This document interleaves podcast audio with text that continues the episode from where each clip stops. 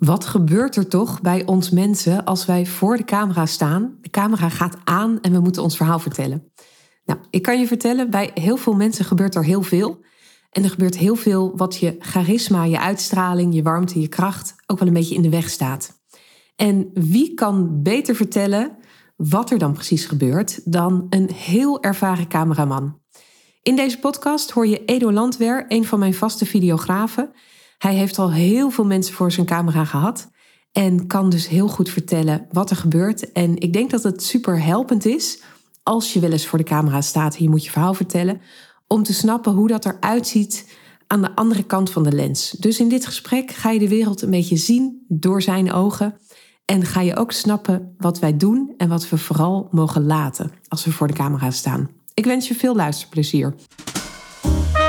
Welkom bij de podcast Charisma voor Ondernemers.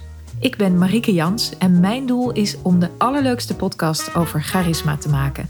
Speciaal bedoeld voor jou als je ondernemer of boegbeeld bent en je wilt leren hoe je op een positieve manier de aandacht vangt. Edo, welkom in mijn podcast. Ja, ik zit in jouw studio, maar jij zit weer in mijn podcast in Haarlem en de hond ligt onder tafel. We hebben afgesproken dat hij stil blijft. Voorlopig gaat het goed. Voorlopig gaat het goed, deze eerste tien seconden. Ik was heel verrast eigenlijk dat jij meteen zei ja leuk toen ik vroeg wil jij in mijn podcast. Want cameramensen zijn natuurlijk altijd, die staan liever achter de camera en niet zelf in de spotlights. Maar jij zei toch gelijk ja. Hoe komt dat? Nou, dat is niet zozeer omdat ik het zelf per se zo verschrikkelijk leuk vind om in de spotlight te, te staan. Uh, maar om even je vraag anders te beantwoorden, namelijk hè, op terug te komen waarom cameramensen het in het algemeen zo moeilijk vinden om zelf voor de camera te staan. Ik dat niet zo heb. Nou, het is natuurlijk enerzijds, hè, dus van, van, van allerlei, alle beroepen heb je allerlei soorten en maten. Hè. Dus ook cameramensen heb je mensen die het wel leuk vinden. Ze zijn niet allemaal hetzelfde. Ze zijn bijna allemaal hetzelfde, okay. maar, toch net niet helemaal. Nee, ja. maar wat, wat mij betreft, hè, wat voor mij de reden is dat ik het wel doe of wel leuk vind, is juist wat mij betreft omdat je er heel veel van kan leren. Hè. Ik bedoel, op het moment dat je van jezelf ervaart hoe het is om in de spotlight te staan. En of het nou in een podcast is of voor de camera, hè, als je gefilmd wordt of gefotografeerd wordt. Als je dat zelf ervaart en zelf ervaart met wat voor onzekerheden je dan uh, geconfronteerd wordt, hoe beter je ook anderen kan sturen en kan helpen, omdat ze in diezelfde situatie staan als jij op het andere moment bent. Hoeveel mensen krijg jij gemiddeld in een jaar of misschien is in een week een handige vraag voor je camera? Nou, elke week is anders. Hè, dus dat is, het is lastig om daar gemiddelde in, in aan te geven. Ik heb allerlei verschillende fases gehad waarin ik soms heel erg veel verschillende mensen vastlegde en soms wat, wat, wat minder, omdat ik ander soort werk deed. Maar hè, ik denk dat ik in de tien jaar dat ik nu dit werk doe, zo'n 20.000 mensen voor mijn camera heb gehad. Oh, wow. Ja. Dus dat zijn er, wel, zijn er wel behoorlijk wat. En met name in het begin ging het heel hard. Toen deed ik heel veel meer productiewerk. Hè. Dat ik, zet ik eh, per dag misschien wel zo'n uh, zo'n 10, 15 verschillende soorten mensen uh, voor me. En juist in die fase heb ik er specifiek voor gekozen om zo veel verschillende mensen ook voor mijn camera te hebben. Om ja, erachter te komen wat nou de verschillen zijn tussen al die mensen. Hè. Wat maakt nou, nou de, een CEO anders dan iemand die in een productielijn werkt? Of wat maakt ze misschien ook weer hetzelfde? Wat, ongelooflijk veel. Ja, ik dacht wel, ik moet jou vragen, omdat jij gewoon een heel ervaren cameraman bent. Dus wie kan er beter iets zeggen over uitstraling en charisma voor de camera dan jij? 20.000 mensen, wat, wat heb je geleerd over mensen voor de camera? Dat is misschien een hele brede vraag, maar misschien is er, zijn er een paar, algemene, een paar algemeenheden over te, te zeggen. Wat, wat doen mensen, wat gebeurt er met mensen als ze voor de camera gaan staan? Nee, het is, het is inderdaad een, een, een, een ingewikkelde vraag, een uitdagende vraag. Kijk, want het is uiteindelijk, je kan mensen op een gegeven moment, als je, als je, als je er heel veel voor, de, voor je camera hebt gehad, dan kan je ehm, ze een beetje in hokjes gaan stoppen. Dan kan je zeggen, hè, een, een, een x aantal mensen reageert ongeveer zo, een ander aantal soort mensen reageert ongeveer zus. Hè, en dan kan je daar een beetje een, een logica in, in, gaan verzinnen. Maar wat natuurlijk uh, als een gemene deler zou moeten zijn, dan zou je toch zeggen dat als mensen hè, ervan uitgaan dat mensen weinig tot geen ervaring hebben, als je die voor een camera zet, dat ze dan geconfronteerd worden met hun onzekerheid. Hè, dus ze gaan twijfelen aan wie ben ik? Mm -hmm. Ben ik wel goed? Vind ik mezelf wel leuk? Oh jee, wat vinden andere mensen van me? Nou, en dan gaat het natuurlijk heel erg snel ratelen in je hoofd en dan wordt het allemaal heel erg lastig. Als mensen voor de camera komen, komt er vaak stress. En bij stress heb je vaak drie reacties. Hè? Mensen willen weg, dus ze klappen dicht of ze willen er zo snel mogelijk vanaf. Mensen maken zich klein klopt. Ja. Of mensen gaan vechten. Dus heel erg eh, hard praten, Ja. overtuigen, dat soort dingen. Herken je dat? Zijn Zeker, Dat een beetje... absoluut. Dat zijn zeker dingen die ik heel erg herken. Ik, zou ze, ik had ze inderdaad voor mezelf nooit zo even hè, in die drie-eenheid geclassificeerd. Maar het is absoluut zo dat inderdaad mensen een vluchtroute vinden. Zo Ja. ervaar ik het in ieder geval ook. Hè? Om, om op hun eigen manier uit die stress te komen. Hè? En, en, en inderdaad, zeg maar, welke, als, als ik hè, de, de, de, daarover na zou denken of zou moeten noemen wat, wat daar de verschil in is, dan zou ik er zelf twee noemen. Hè, voor, voor mijzelf, naar mijn ervaring. Eentje waarbij mensen inderdaad in zichzelf keren en andere Ja. waar ze Verlammen is het ook een beetje, ik zeg het verkeerd. Maar ja, ja. En, en de andere waarbij ze echt tegen Ja. hetgeen wat ze aan het doen keren. Hè. Dus dat kan zijn dat ze gaan overachieven, denken, oh, dit kan ik wel. Hè. Of even, ik weet het wel beter dan de cameraman of de fotograaf. Of doen alsof ze het al heel vaak gedaan hebben, terwijl het absoluut niet zo is. En waarbij de andere kant van het verhaal is dat mensen zich heel erg naar binnen gaan keren en, eh, en, en niet meer durven en een beetje vast vriezen eigenlijk. Ja, wat, wat zie je dan? Laten we eerst even die, ene, die eerste nemen. Als mensen gaan vechten, wat, wat zie jij dan gebeuren? Hoe ziet dat eruit? Het heeft een beetje met een eh, bepaald macho gedrag te maken. Dat is denk ik hetgeen wat ik het, het eerste dan, dan toch terugzie. Is dat mensen zich beter willen voelen dan de situatie vanuit die onzekerheid. Dus gaan, nou, zich, hè, dus die gaan zich letterlijk dan in hun lichaamshouding wat, wat groter maken. En een beetje naar voren komen. En een beetje, nou ja, hè, een beetje afdoen waar, waar het over gaat. Want ja, ik weet het toch wel beter dan, eh, dan wat, er, eh, wat er hier gesteld wordt. Hè, en dat merk je ook een beetje in de intonatie. Maar vaak gaan ze daar ook wel een beetje wat sneller bij praten. Dat je toch wel merkt Ja. van het is niet alleen maar, ze menen het niet helemaal. Het is ook wel wat zenuwen die daar, eh, hè, wat daarin naar voren komt. En dan krijg je niet de leukste performance voor de camera. Nee, want, want eh, zeg maar, welke kant je ook op gaat. Hè, of je nou naar die bevrieskant gaat of naar die kant hogerop. Het is per definitie niet echt. Ja, Hè? En, en ik denk dat je, hè, eh, gaan we misschien wat te ver vooruit, maar ik denk dat het hartstikke goed kan zijn om te acteren. Hè? Dus jezelf op een bepaalde manier voordoen als je iets wil verkopen. Dat kan hartstikke goed zijn. Maar dan moet het wel bewust gebeuren, in een bewuste richting, in plaats van dat het komt vanuit die onzekerheid. Op het moment dat je je vanuit die onzekerheid een bepaalde manier gaat dra- gaat gedragen, of dat nou naar beneden of naar boven is, dan is het per definitie niet echt. ja. laten we nog even naar die naar beneden. Dus meer verlammen, bevriezen, vluchten, kleiner maken. Dat soort, dat soort. Hoe ziet dat eruit voor jouw camera? Wat gebeurt er dan? Nou ja, het, het is deels eh, letterlijk hetzelfde, maar dan andersom. Hè? Dus naar achteren gaan, naar binnen kruipen, eh, minder praten, dat soort zaken. En er zijn allerlei, allerlei gekke lichaamskenmerken die daar natuurlijk ook bij komen kijken, die misschien niet zo interessant zijn, maar heel veel knipperen, eh, veel bewegen, gek lachen, gemaakt lachen. Hè? Oh, allerlei ja. dingetjes eh, die dan... oh god, eh, die herken ik ook wel. Dat ik zo stom ga lachen, ja. Hoe, wat, je wil natuurlijk mensen... Mensen zijn het leukst als ze naturel zijn, toch? Ja. Voor de camera. mhm. Wat, wat doe jij om ze dan toch weg te krijgen uit al die rare tics die we hebben vanuit onzekerheid? Nou ja, kijk, terugkoppelend op waarom, ehm, waarom ik zoveel mensen heb, heb, heb vastgelegd, of waarom ik er ook bewust voor gekozen heb om zoveel mensen voor mijn camera te hebben, is dat je, wat mij betreft, pas echt een, een rust kan creëren binnen je sp- space waar je op dat moment met iemand in zit, hè, met degene die je portretteert. Als je echt fundamenteel oké bent met hoe hij of zij zich gedraagt. Eh, in alle eerlijkheid. Jij, jij als cameraman? Ja, ik- ja precies. hè, dus hè, de- in alle eerlijkheid, de eerste keren dat ik gekke dingetjes meemaakte. Dat iemand heel erg hard ging knipperen of zich helemaal kapot zweten. Of hè, tegen iets aanliep van mij vanuit al die onzekerheid. Had ik in het begin ook zoiets van... eh, Oké, wat gebeurt hier? Dit vind ik een beetje vreemd. En natuurlijk wist ik dat dat soort dingen zouden kunnen gebeuren. Dus ik had wel natuurlijk een modus om me daar een beetje in, in, in, in wat op te stellen. Nee, prima, dat komt helemaal goed, niks aan de hand. Maar, maar fundamenteel geloofde ik dat niet echt. Omdat ik het wel gek vond. Eh, omdat je toch die, die wereld toch beredeneert vanuit hoe jij het ziet. En als je zelf gaat zitten zweten, dan vind je dat ook gek. Dus als iemand anders het doet, toch ook wel. En, en, en juist als je zoveel verschillende mensen dan ziet en ervaart, dan kom je erachter dat mensen nou ja, misschien wel een beetje gekker zijn dan je eigenlijk van tevoren zou denken. Hè? Omdat iedereen wel zijn gekke kantjes heeft Ja. en zijn gekke dingetjes heeft. En dat is enerzijds heel relaxed voor jezelf, omdat je dan dat kan relativeren vanuit jezelf. Mhm. Maar belangrijker nog voor mij in ieder geval, is dat ik het dus ook kan relativeren wat andere mensen doen. Ja. Is het, heb jij nu dat je niet zoveel meer gek vindt? Ja, iedereen. Ja? Ja? ik vind niks gek eigenlijk. Ja. Of in ieder geval, kijk, als mensen echt zijn, dan vind ik het niet gek. Ja. En als ze, als, ze, als ze niet echt zijn, dan vind ik het heel erg, heel erg naar. Er zijn ook heel veel mensen die dat hebben natuurlijk. Dat vind ik niet fijn. Maar als mensen vanuit puurheid, vanuit zichzelf, zichzelf kwetsbaar opstellen... en dat heeft dan misschien gekke uitingjes, dan vind ik dat echt 100% helemaal oké. En dat mag er zijn. Ja. En dat is de, de, de setting, de, de ruimte die ik wil creëren. En, en dat, is, zit hem dat zit hem deels in, in wat ik zeg of niet zeg, maar vooral ook gewoon, denk ik, in zijn.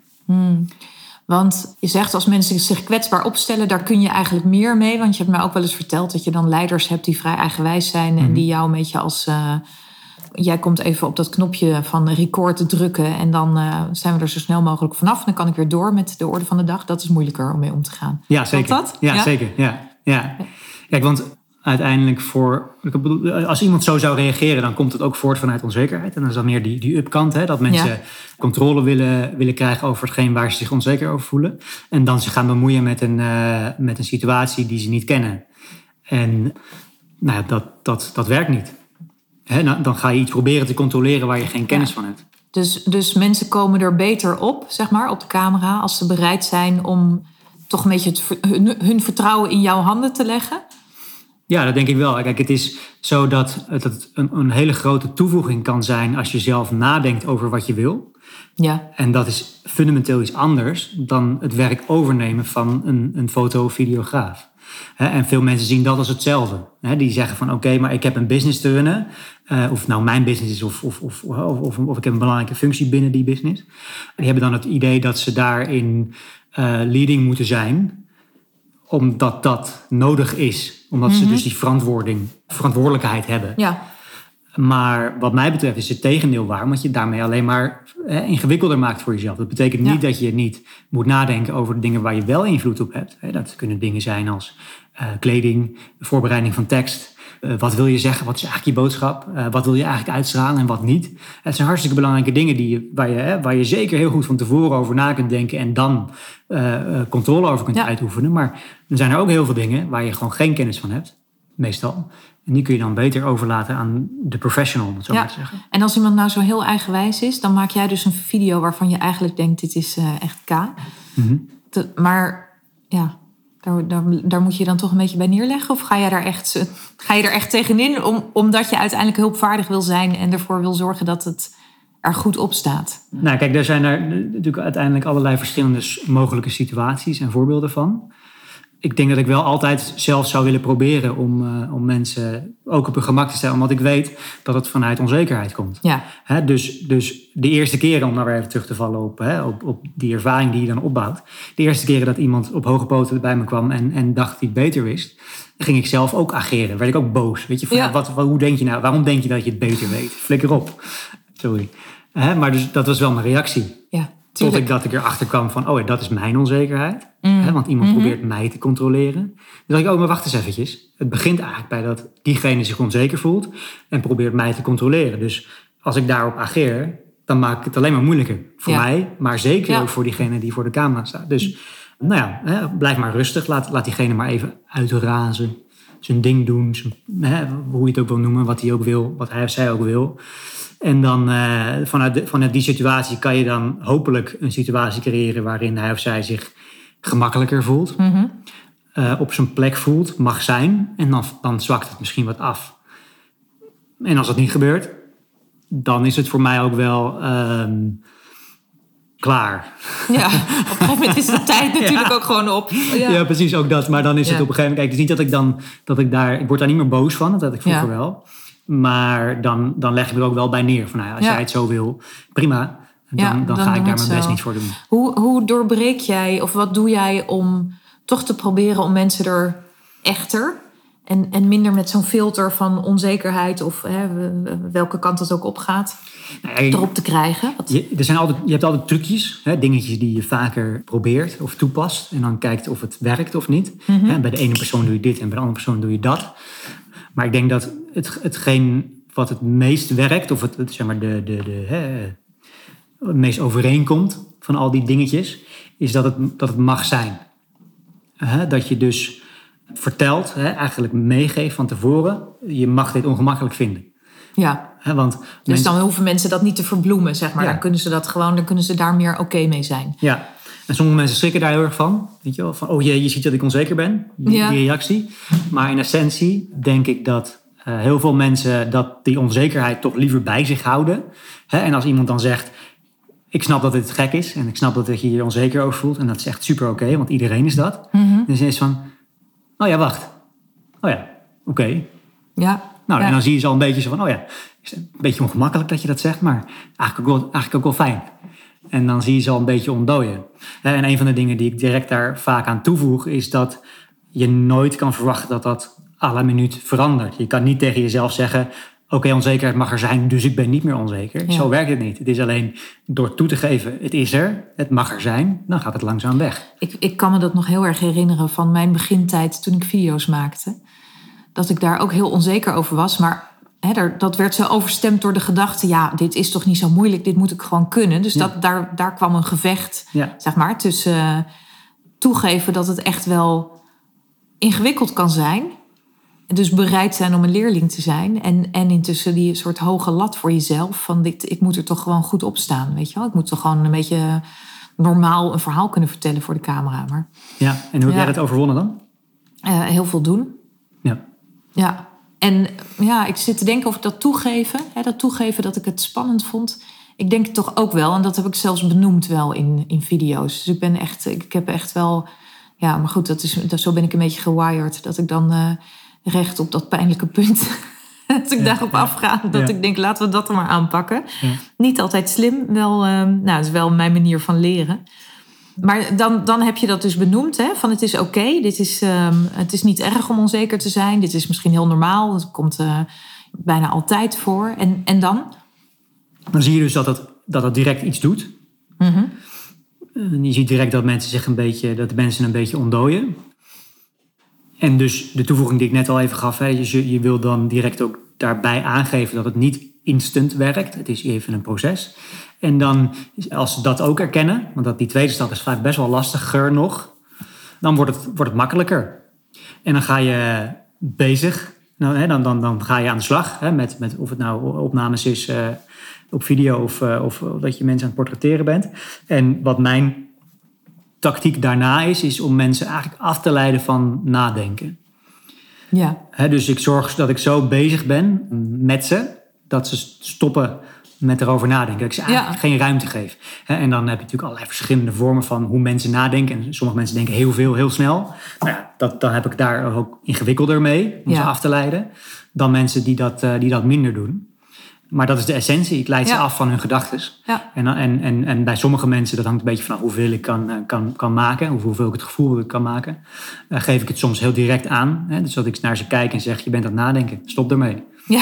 En dan schrikken ze zich een hoedje en dan denken ze, wat zegt hij nou? En dan zeg je, ja, maar hij heeft wel gelijk. Ja, ja, ja, maar je wil natuurlijk je wil ook een goed verhaal brengen. Dus je bent, Ja. het is bijna onmogelijk om niet na te denken. Maar Ja, maar dat is een ander soort. Kijk, ik zal, zou zo'n eh, manier van inhoudelijk nadenken, zou ik nooit ja, eh, aanspreken. Ja. Of callen, hoe noem je dat? Hè? Ja, Dat- ja, is- maar over andere gedachten. Bijvoorbeeld zeg ik het wel goed. Dat, dat, ma- dat maakt je natuurlijk allemaal, dat haalt je uit het hier en nu. Ja. En dat zorgt ervoor dat, je, dat de energie in je hoofd zit en dat je er niet meer helemaal bent. Dus dat gaat Ja. ten koste van je presence. eh. Precies. Ja. En ik denk dat elke goede pre- presentatiespreker of videospreker, want het is uiteindelijk de- dezelfde techniek, denk ik, eh, wel kan beamen dat op het moment dat je goed in een flow zit, dan denk je misschien wel over de inhoud na, onbewust.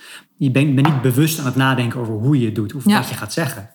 Hè, dat kan je misschien tussendoor wel doen, maar zodra je tijdens het praten gaat nadenken over wat doe ik en doe ik het goed, op wat voor niveau dan ook, ja, dan, dan is het niet meer echt. Ja. Ik denk dat iedereen die dat een beetje kan, die die kunst kent, dat wel Ja. zo ervaart. Ja, ik vind echt altijd een moeilijke. Want hè, wij, wij filmen ook samen en ook met, eh, met klanten van mij. En dan doen we dingen ook opnieuw. Hè? Dan zeggen we, nou, want dat is ook een van jouw eh, strategieën. En eh, daar vind ik me ook helemaal in. Dat je dan zegt, zullen we het nog een keer opnieuw doen? Hè? Totdat iemand ook denkt van, ah, nu staat het er lekker op. En dat is dan toch altijd een beetje van, is het... Hè, hoe echt is het als je het nog een keer opnieuw doet? Ja, ik, ik denk dat het authentieker wordt, omdat je dan beter kan laten zien wat je eigenlijk wil laten zien. Ja. Hè? Maar hoe, hoe kijk jij daar tegenaan? Nou, dat is een leuke inderdaad, want die, eh, daar zat ik net ook aan te denken. Een van de, kijk, een van de voordelen als je met iemand eh, werkt die er rustig in zit, is dat bijna altijd er een opwaartse lijn in zit. Dus als je hem één, twee of drie of vier keer of vijf keer zou doen, dat die de vijfde keer per definitie altijd beter is dan de eerste, omdat je Ja. steeds eh, bewuster wordt van hetgeen wat je echt wil vertellen Ja. en hoe je dat wil vertellen.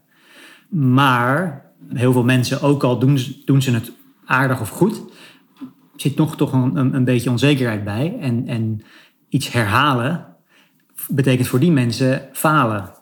Dus ook al hebben ze, hè, als we even uitgaan van die vijf opnames, hè, je doet eh, twee video's en je hebt dan tien opnames bij elkaar. Ja. Ook al zijn twee keer bij allebei die vijf echt fantastisch. Echt Mhm. gewoon by far gewoon echt ontzettend sterk voor je eigen merk of wat je dan ook wil, wil vertellen. Dan zullen, zal de afdronk nog steeds zijn. Ik heb het tien keer gedaan. Weet je Ja. hoe slecht ik niet ben? Hè? En, en, en Dus dat, daar moeten we een beetje van af, van dat idee. Dat hoort Ja, er gewoon bij. Dat je dingen... bij, ja. ja. Ja, er, is, er is geen enkele opname die ik in één keer goedkeur. Eigenlijk. Ik bedoel, Nee. natuurlijk als je tijd, tijdsgebonden bent, gebeurt het wel een keer. Maar over het algemeen doe je altijd alles meerdere keren. ja. ja. En, en, zo, en, en dat zien mensen niet als ze alleen maar een videootje op, op, op social media zien verschijnen. Oh, dat is vast in één keer goed gegaan. Zo'n makkelijke spreker, spreekster. Maar dat, bijna altijd gaat het meerdere keren. Ja, ik heb ook, ik zit even na te gaan bij mezelf. Ik heb heel af en toe een video die ik in één keer heb gedaan en erop gezet. Ja. Maar zeker niet op momenten dat ik echt op een, weet je wel, dat ik een locatie heb gehuurd en echt met een, eh, met jou of een andere cameraman werk. Dan is het ook altijd, al is het maar voor de zekerheid, zeg maar, dat je het, Ja, ja, dat je het nog een keer opnieuw doet. Ja, inderdaad. Ja. Heb jij ook echt de naturals voor je camera af en toe? Tuurlijk, Wat, wat, doen, wat doen die? Wat is hun geheim? daar niet over nadenken. Ja, is, Ja, ja. Zo, zo simpel en zo. Ja, ik wil zeggen, is het zo simpel, maar dat is natuurlijk helemaal niet zo simpel. Die zitten zichzelf niet in de weg, zeg maar. Nee. Met, Ik had ehm, toevallig vorige week nog iemand, een, een, een directielid, die, eh, wist het die was ontzettend druk. En we hadden opnames met hem de hele dag. Ze moest de hele dag moest hij achter ons aanhobbelen met een groot team en, eh, en hartstikke druk. En eh, hij kreeg het voor elkaar om eigenlijk alle momenten dat wij bezig waren met opbouwen, hè, met, het, met het uitdenken van de scènes. Gewoon eh, was hij aan het werk, ik weet niet wat hij aan het doen was. Hartstikke druk eh, met zijn telefoon en zijn laptop. En op de momenten dat hij bij ons was, vroeg hij even wat moet ik zeggen. Nou, we gaven hem een zinnetje, twee, drie zinnetjes. ja, met allemaal dingen eromheen. Dus het was absoluut niet waar. Hij moest echt een beetje acteren. En nou, hè, actie, scène gaat lopen. Hij gaat lopen. Hij vloept die drie zinnetjes eruit. En eigenlijk elke keer had hij gewoon in één take perfect alles erop staan. En ik, ik confronteerde tussen grote aanhalingstekens hem daarmee. Ik, ik zei tegen hem, ik gaf hem een compliment. Van, ja, ik had al opgeschept over je, want ik kende hem al van tevoren. Dat je goed was, maar je bent eigenlijk nog beter dan ik dacht. En, en die reactie die hij toen gaf, was zo echt. Want hij had gewoon echt niet door dat hij dat goed... Hij dacht er helemaal niet over na. Hij was een beetje zo ontredderd van... Oh, hè, oh nou, dankjewel, denk ik. Ja. Ja. wat leuk dat je dat zegt. Dus hij had misschien ook niet zo'n beeld van zo, zo moet het eruit zien. Nee. En, en eh, kom ik dan wel goed over? En al die bijgedachtes, Niks. ja, die er waren er niet. Dus Ja. dat, we, we moeten gewoon zijn en we moeten zijn in het moment. En dat helpt. Ja, ik vind het, ik zit te denken, ik zie het ook bij heel veel mensen die voor de camera staan gebeuren, dat er iets voorkomt, zeg maar. hè. Er komt iets tussen wie ze echt zijn en wat ze doen. Ook omdat je, je hebt een verhaal voorbereid, dat wil je vertellen, je wil authentiek overkomen, dat allemaal. En ik zelf heb het ook. Bij mij gaat er ook, ik, ik denk steeds minder, maar er gaat nog steeds iets. Ik doe, ik doe nog steeds iets wat ik normaal niet doe. Ik kan er niet helemaal de vinger op krijgen, maar opleggen. Dus ik, ik weet ook hoe lastig het is. Zie je mij? Je hebt mij ook voor de camera gehad. Ja, dat, ik, dat, dat zie ik wel. Maar ik denk ook niet dat, dat, dat er is ook niks mis mee. Ja. Als in, ik denk ook dat het... Kijk, je moet beginnen vanuit rust, vanuit eenvoud. Daarin, op dat moment, moet je niet te veel van jezelf verwachten. En op het moment dat je die rust gevonden hebt, kan je door. Want het is niet zo dat je dan, als je die rust gevonden hebt, dat je dan ineens perfecte video's maakt. Want een goede video maken of een goede presentatie geven is meer dan dat, altijd. Het, is ook een presentatie. En, dat betekent dat je moet letten op je articulatie. Dat moet betekenen dat je op een bepaalde manier moet presenteren. Je, je, je, handen op een bepaalde, of je armen of je lichaam op een bepaalde manier moet bewegen. Dat hoort er allemaal bij. Maar als je dat gelijk wil, terwijl je nog in die onzekere fase zit, ja, Ja, dat werkt ja, niet. dat is veel te veel tegelijk. Doe, Nee. doe jij iets, geef jij tips zeg maar voordat de camera aangaat? Van, doe, doe dit om in een beetje zo'n staat gewoon van eh, alerte presence te komen. Zo noem ik het maar even. Dat vind ik een, altijd eh, de beste, Ehm, beste begin. Maar geef jij daar... eh, Ja, ja en nee. Kijk, het, het hangt heel erg vanaf in wat voor, wat voor rol ik zelf zit. En daar bedoel ik mee als ik, ook als ik film en regisseer. Om dat laatste stukje wat jij vraagt eigenlijk maar even regie te noemen. ja, Als ik film en regisseer, dan probeer ik het een beetje te, te, te verminderen. Want ik weet op het moment dat ik iets, iets vraag van iemand. en Dat kan ademhalen zijn, het kan even tot rust komen zijn. Het kan mediteren zijn, dat kan jezelf oppeppen zijn. Het kan van allerlei dingen zijn. Als ik dat tussen neus en lippen door zeg, terwijl ik niet weet wat voor reactie het ontlokt, en ook met de camera bezig moet zijn, hè, dan, dan, dan kan het zomaar misgaan. Want dan Ja. kan het misschien een beetje onzeker overkomen of raar of niet sterk. Hè, dus ik probeer het dan meestal wat te verminderen. En als ik er wel helemaal kan zijn, dan kan ik ook klaar zijn voor de reactie die mensen geven. Hè, want eh, om maar iets simpels te noemen, ademhalen. Hè, dat, dat, er zijn heel veel mensen die daar heel gek op reageren. Terwijl het iets heel normaals is. Maar er zijn ook heel veel Ja. mensen die dan denken... ademhalen, hoezo, hoezo zeg je dat tegen me? Waarom? Maar er zijn natuurlijk een heleboel mensen die als ze spreken en ze moeten een minuutje spreken, dan in de knoop komen met hun ademhaling. Ja, zeker. Ja. Maar ook, ook, om, ook om de rust te vinden, met name dan. Hè? Als in, ik heb heel vaak mensen die hoog in de energie gaan zitten... en dan vanuit daar het willen gaan beginnen. Nou, dat is natuurlijk vragen om... eh, dat gaat natuurlijk nooit goed. Hè? Maar, en als je dat ziet, hè, dan zie ik die spanning bij mensen. En dan, als je dan, nou, adem maar eventjes twee keer diep in en, uit. Ja. En dan ben je, voel je je weer wat rustiger. Ja, een rustige ademhaling maakt je direct charismatischer. Zeker, Ja. Ja. absoluut. Oké, wat, wat zijn nog meer als iemand nou hè, charismatisch en dat, dat kun je zien als dat je echt present bent in het moment, aanwezig. Dat je ook krachtig overkomt. Hè? Dat wil je ook zien als iemand die invloed heeft op zijn of haar omgeving, die iets eh, voor elkaar kan krijgen. En als warm, benaderbaar, hè? enthousiast voor de ander, Ja. eh, in verbinding. Wat, wat, zouden jou, wat zijn jouw tips om dat voor elkaar te krijgen? Na jouw 20.000 mensen. Kom maar door. Zo, dat moeten wel hele grote tips zijn dan. Nee, contact maken met de aarde, hè, eh, stevig staan. Ik denk dat stevig staan, dat, je, dat ik het het liefste zo noem. Dus niet lichtvoetig rond, rondlopen of staan. Hè. Stevig in je fundament staan, dat is denk ik een hele belangrijke. Eh, Rustig praten. Hè, dus proberen, ik deed het net zelf verkeerd, maar proberen in, je, in eenzelfde stemniveau, te, hè, stemhoogte te, te, te, te articuleren. Dat helpt gewoon heel erg ook om rust te vinden in, in hoe je iets vertelt. Ademhalen is een hele belangrijke. En toch ook, hoewel die camera eh, in veel gevallen voor veel mensen nog steeds toch een gevaarlijk ding is, een eng ding, kom er naartoe. Ja, je moet het een beetje als je vriend gaan zien, toch? Ja, je moet er echt Camera. naartoe komen. Ja. En dat is, dat is een van de dingen, denk ik, die ik eh, toch wel het meeste zeg. Met name bij fotografie, maar ook wel veel bij film. Kom echt letterlijk naar die camera toe. Want wat, wat je heel veel mensen ziet doen, is onbewust vanuit die angst, van die onzekerheid, een beetje naar achter gaan leunen. En dan een beetje schouders naar achter duwen, kin naar achter duwen. Nou, dat, eh, dat ja, eh, ja. wordt niet, eh, niet super knap. Ja, En dat, dat, dat, dat voelt ook onzeker. En als je naar voren komt, naar hetgeen waar je naartoe wil, dan heb je automatisch, ga je je ook zekerder en sterker en charismatischer voelen, denk Ja. ik. ja, mooi. Er zijn natuurlijk allemaal in het editingproces allerlei manieren waardoor je de aandacht hoog kan houden en de energie hoog met muziek, met, met Mhm. goede knips, met eh, ehm, nou, dingen die je eraan toevoegt.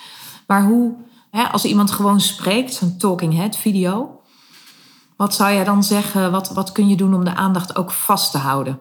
Gewoon in het spreken. Dus als het niet om muziekjes en editing allemaal leuke tierlantijntjes gaat. Maar eh, sorry, dat, zo bedoel ik je werk niet tierlantijntjes. Maar eh, dan heb je het over, de hogere editingkunde. dan heb je het over mensen die voor zichzelf video's maken, toch? Ja, bijvoorbeeld. Of Ja. die jij voor je camera hebt. Hè? Want je, hebt, weet je wel, je kan bedenken van... Nou, pak in die eerste zin. Ik kom er lekker in met mijn energie. Maar dan, Mhm. als je zo'n tijdje praat... is natuurlijk ook de kunst... hoe houd je de aandacht vast? Heb jij Ja. daar gedachten over? Nou, dat is, hè, er er is natuurlijk wel een groot verschil tussen als je het laat doen en als je het zelf doet. En als we dan bijvoorbeeld zouden focussen op als je het zelf doet. Want als je het laat doen, dan ga je toch ook een beetje uit van de expertise van degene die dat doet Ja, eh, voor je. Maar als je, het, als je het dus zelf doet, ja in de Ehm, selfie-stand met je telefoon. Je Ja, praat. precies. Ja, Kijk, wat, wat, eh, wat natuurlijk eh, werkt is dynamiek. En korte stukjes. Hè? Dus je denkt dat je per definitie niet te lang aan het woord moet zijn. Hè? En er zijn allerlei... er zijn natuurlijk heel veel mensen die daar heel veel over geroepen hebben... over wat een beetje de maximale aandachtspannen is. Maar laten we zeggen dat je als je een verhaal een beetje wil overbrengen... dat je echt niet langer dan een minuut naar één iemand, één persoon, één pratend persoon wil kijken, wil luisteren. Daarna zwakt het af. Dus kort. Daarnaast eh, is dynamiek kan echt heel erg veel helpen. Hè? Eh, wat ik daarmee bedoel is eh, een bewegende camera. Dus als je je camera meeneemt terwijl je loopt, met een grote disclaimer dat je dat wel voorzichtig moet doen. ja Je moet weten wat je doet. krijg je één grote bibber. Precies, Ja. maar als je dat kan, hè, als je weet hoe dat werkt, of als je telefoon dat kan, of als je camera dat kan, kan dat een hele grote meerwaarde zijn. Maar als je dat even algemeen neemt, dynamiek is gewoon ontzettend belangrijk. Dus vind die dynamiek ofwel in de camerabeweging, ofwel in je verhaal, ofwel in, je, in, je, in jezelf, in, je, in hoe je zelf staat of beweegt. Dus dat je zelf een beetje dynamisch bent in hoe je. Ja, en, en ook daarmee, kijk, Ja. het is met alles zo, eh, zeker ook in dit eh, veld natuurlijk, dat er al, al- voor alles allerlei disclaimers zijn. Hè? Want natuurlijk als je gaat rondspringen tijdens dat een camera eh, jou filmt die stilstaat, hè, dan ziet dat er nogal druk en onrustig Ja. uit. Maar als iemand met zijn handen praat om bepaalde hè, eh, zwaartepunten te accentueren, eh, dan kan dat wel heel erg versterkend werken. Hè? Ten opzichte van iemand die recht de camera inkijkt en stil en stopschijf stilstaat. Ja, dus we moeten gewoon wel nadenken over als je een minuut praat of langer dan een minuut. Wat doe ik om de aandacht van de kijker vast te houden? Om Ja. die kijker een beetje wakker te houden. Ja. Ja. En vind een flow. Hè? Op het moment dat je een verhaal vertelt, hè, dan denk ik dat je per definitie er goed aan doet om te bedenken wat de flow in dat verhaal is. Dus op het moment dat je, dat je iets vertelt wat best een beetje spannend is, of misschien een beetje eh, waar je wat spanningsopbouw wil doen, dan kan het goed zijn om je stem daar ook wel wat op aan te passen. En, en dan kan je langzaam toe naar een climax werken, waar je wat harder gaat praten en misschien wat meer gaat bewegen, zodat de eindboodschap veel duidelijker overkomt. Ja, ja. Dus er geen, geen gelijkmatige, eentonige Nee. energie, maar durven echt in je energie mee Ja. te gaan in je verhaal. En dan heb je natuurlijk ook een verhaal nodig waar wat emotie, wat hoogtepunten, dieptepunten, Ja. dat soort dingen in zitten. Maar die zitten er altijd wel in. Als je, als je goed kijkt, zitten, zitten dat soort punten altijd wel in je verhaal. En anders heb je geen goed verhaal. Ja, ja, ja ik, soms, ik vind dat soms lastiger met echt als je het over ehm, ehm, hè, kennisintensieve video's hebt. En misschien moet je wel zeggen, je moet ze gewoon niet te kennisintensief maken. Zeker. Je moet ook ruimte voor verhaal en emotie erin. Want anders kan je net zo goed, eh, kan je het net zo goed optikken natuurlijk. Hè? Wat is Ja. dan de meerwaarde van een video? Maar ja, dat... Goed punt. Ik bedoel, ik denk dat je, dat je video's maakt vooral om verbinding te leggen. Die je niet maakt met tekst. Niet kunt maken met droge tekst. Eh, omdat je namelijk een persoon ziet en daar een connectie mee zou kunnen maken. En te enthousiasmeren bijvoorbeeld. Of een boodschap over te brengen. Ja. Hè, Dit gaat heel erg helemaal niet om per se om de inhoud. Want die is textueel denk ik veel beter te verwoorden. Want die, je kan dat je opnemen op het moment dat je daar zin in hebt. Ja. Dus het Ja. gaat eigenlijk om de kennismaking met een onderwerp. Denk ik. Wat, wat vind jij? Jij, bent, jij zit niet zo heel veel op social media. Hè? Dat, Nee. eh, nee. Maar je zit er vast wel eens toch eventjes op. En dan Zeker, kom je ja. video. Wat, wat vind jij van de video's die je daar tegenkomt? Of vind je daar iets van überhaupt? Je bedoelt video's die mensen zelf maken? Ja, bijvoorbeeld. Wat, wat jij zo al tegenkomt. En met, jou, eh, met jouw deskundige oog. Nou, kijk, ik denk Eerlijke dat- antwoord. Ja, zeker. Ik zit even mijn antwoord, eh, antwoord af te wegen. Durf ik Ehm, dit te zeggen? Ja, kom maar door. Ja. nee, kijk, ik, ik denk dat in, in, eh, in het algemeen is het hartstikke goed dat mensen zich durven te laten zien. Omdat je daarmee eh, een gezicht laat zien achter de tekst. Mhm. Hè, zoals we dat net eh, bes- beschreven. En dat maakt connectie en, en dat verkoopt veel beter een, een product of dienst. Dus in die zin is het persoonlijk maken van wat je doet hartstikke belangrijk. En ik denk wel dat, omdat het zo moeilijk is, veel mensen elkaar volgen. Hè, dus me- mensen nadoen wat anderen Ja. doen, zonder eerst na te denken wat past bij mij. Weet je, hè? Dus eigenlijk, je moet eerst beginnen bij dat nulpunt. Hè? Eh, je moet je comfortabel voelen bij wat je gaat doen. En vanuit daaruit bedenken wat past bij mij. En dat kan zijn, ik sta in een studio en ik heb een camera close-up en ik vertel wat mijn missie is. Maar dat kan ook zijn, eh, ik zit in de keukentafel, ik pak mijn telefoon erbij en dat wiebelt een beetje. Eh, en ik praat eh, tussendoor over, over mijn koffie die ik net lekker heb gezet. En daarna ergens anders over, want dat past bij mij. Dat mag ook. Ja. En, en ik denk dat authenticiteit op beeld, dat is het enige wat werkt. werkt. Ja. ja. En die moet je wel opzoeken. En dat is natuurlijk wel wat, iets wat mensen vaak vergeten. Dat zie ik wel vaak terug. Mensen vergeten dat die authenticiteit ertoe doet. Ja. Zeg maar. Oké, dus dan gaan ze iets doen wat gemaakt is, wat, wat te veel, nou ja, wat voortkomt uit ik kopieer een ander. Ja, Ik zit gelijk bij, bij mezelf heel hard na te denken, wat doe ik eigenlijk? Ehm, en, en en ja, daar heb ik niet zo'n kort antwoord op. Ik weet het niet, ja. Ik, ik, ik snap ook wel, je zoekt ergens houvast. Ik heb, natuurlijk, ik heb het in het begin heel veel zelf gedaan. Dan maakte ik zelf filmpjes totdat ik daar helemaal klaar mee was. En dacht, dat ga ik niet meer doen. Ik, eh, ik ga gewoon met een videograaf werken vanaf nu. Nou, dat, eh, daar weet jij, eh, dat, dat punt, dat ken jij. En toen waren er ook wel mensen die zeiden...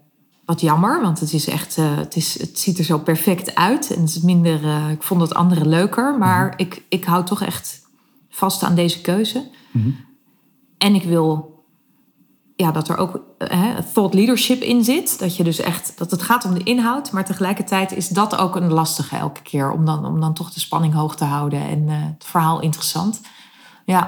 En er zijn natuurlijk steeds meer leiders ook die op video moeten, die er niet aan ontkomen. Ja. En uh, voor hen is dat denk ik ook heel erg een... Uh, ik kijk wat een ander doet en dan doe ik dat na, of niet? Zeker, klopt. Ja. ja. De downside is dat je ook wel heel erg af kan gaan op een video. Ik denk dat veel mensen dat zo voelen. Zeker hoe hoger je in de boom zit, hoe meer je dat hebt. Ja, zeker. Herken klopt. je dat? Ja, zeker. Ik denk ja. dat, uh, dat voor, als we het hebben over, over, over leiders, inderdaad, dat die ook vaak heel veel andere dingen te doen hebben naast dat ze even op film moeten. En dus ook niet de voorbereidingstijd hebben die andere mensen wel hebben. Uh, en daardoor dus soms in een hoekje gezet worden en daar ook uh, zich on oncomfortabel bij voelen, zeker. Ja. En als je het hebt over leiders die daar wel hè, bewust een keuze in maken, omdat ze gewoon leading in hun eigen veld willen zijn en dat willen vertellen aan de wereld, dat is denk ik een beetje een ander verhaal. Het is natuurlijk niet hun hoogste prioriteit van ik moet op camera, maar ja. de communicatieafdeling die zegt dat, die zegt joh uh, Jaap, hartstikke goed idee, doe dat nou even. Ja, ik denk dat, dat, dat als, als we het hebben over leiders die dus uh, willen, inspi willen inspireren. Dus leiders die willen inspireren en die dus die keuze zelf maken. Die hebben ook de tijd en ruimte om zelf te bedenken hoe ze dat willen ja. tentoonspreiden naar de wereld. Uh, maar leiders die dat nou, vanuit hun communicatie moeten doen of vanuit hun rol gewoon nou eenmaal dat erbij hoort. Die krijgen het meer een beetje tussendoor op hun bordje. En die hebben er dus niet bewust over nagedacht. Terwijl ze dat wel zouden moeten doen. Maar dat, dat zou dan hè, op een ander moment moeten zijn. Dat ze, willen, ja. dat ze erover na moeten denken hoe dat, hoe dat het beste werkt. Om, hè, zodat je maar niet inderdaad anderen hoeft te kopiëren. Ik geloof heel erg in leiders die zichzelf durven laten zien in een mm. video. En op die manier hun medewerkers, maar ook hun klanten en Ja. hun relaties inspireren. Ja. Gaan we denk ik dat vaker zien? Gaan we dat meer doen? Het zou hartstikke goed zijn. Het zou Ja. hartstikke goed zijn. Zeker. Ik bedoel, dat, dat zien we toch ook. Maar, wat, wat, natuurlijk het, wat natuurlijk het gevaar is, is dat we in hè, dat als we naar leiders kijken in onze samenleving, hè, bijvoorbeeld politieke leiders, hè, ehm, heb je daarbij het gevoel dat die echt zijn, dat die puur zijn, dat je, dat, dat je daar authenticiteit bij voelt? Nou, ik denk dat dat. We hebben natuurlijk net nu de verkiezingen gehad. En de boerenburgerbeweging is enorm groot geworden. Ik denk dat dat ook heel erg komt omdat heel veel mensen dat bij Caroline van der Plas. Absoluut. het idee hebben van die is echt. Weet je wel? Die, is, die um, what you see is what you get. Straalt ze heel erg uit. Ja. En ik denk dat dat wel een. Ja, helemaal los van de inhoud, een grote succesfactor is. Wat, wat we, maar dat is natuurlijk inherent aan, aan zo'n positie. Als je minister bent en je hebt allerlei belangen te behartigen. En, en, en er spelen allerlei dossiers. Dan is de vraag: kun je nog in dezelfde mate authentiek zijn? Klopt. Dat is best een hele moeilijke, denk ik. Zeker, ja. Ja. En toch inderdaad is het toch een les ook voor de gevestigde orde. Dat het toch werkt om jezelf te zijn. En dat, is- dat is natuurlijk wel iets wat voor alle leiders geldt, denk ik. Dat ondanks je boodschap of wat er verteld moet worden...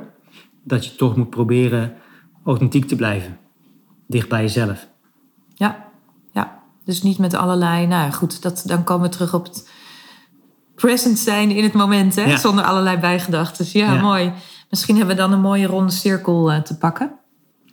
Nou, voordat we afsluiten, nog één laatste leuke vraag aan je. Namelijk, stel je voor, ik ben eh, leider of zit op een belangrijke plek van een organisatie. Ik wil iets gaan doen met video. Wat raad jij aan? Zelf doen, hè? want dat zien we vaak als authentiek. Lekker zelf met je camera, met je smartphone in de weer. Of een cameraman, vrouw, mens inhuren. Nou, dan eh, moet ik toch voor het laatste gaan.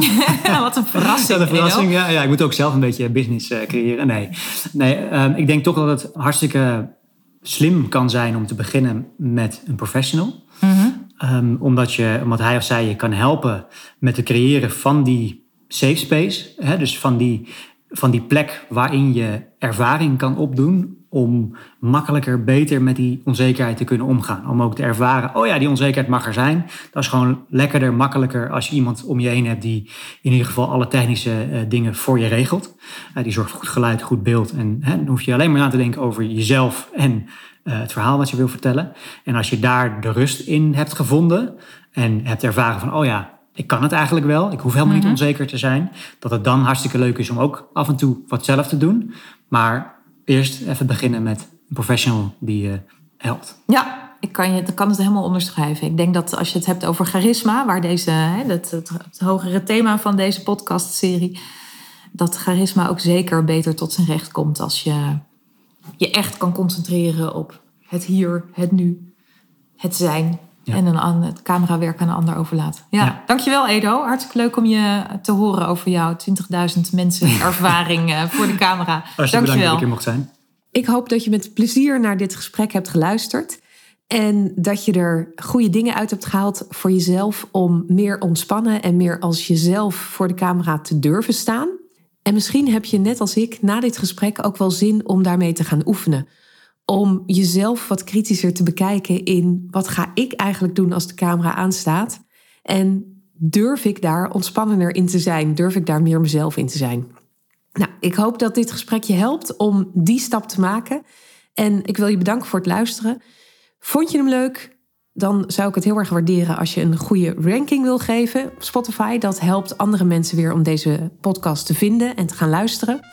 Wil je meer weten over mijn dienstverlening? Ik help boegbeelden om hun verhaal naar buiten toe te brengen, keer op keer. Via video, via social media en ook via traditionele media. Dus in de krant, radio, tv. Je vindt mij op marikejans.com.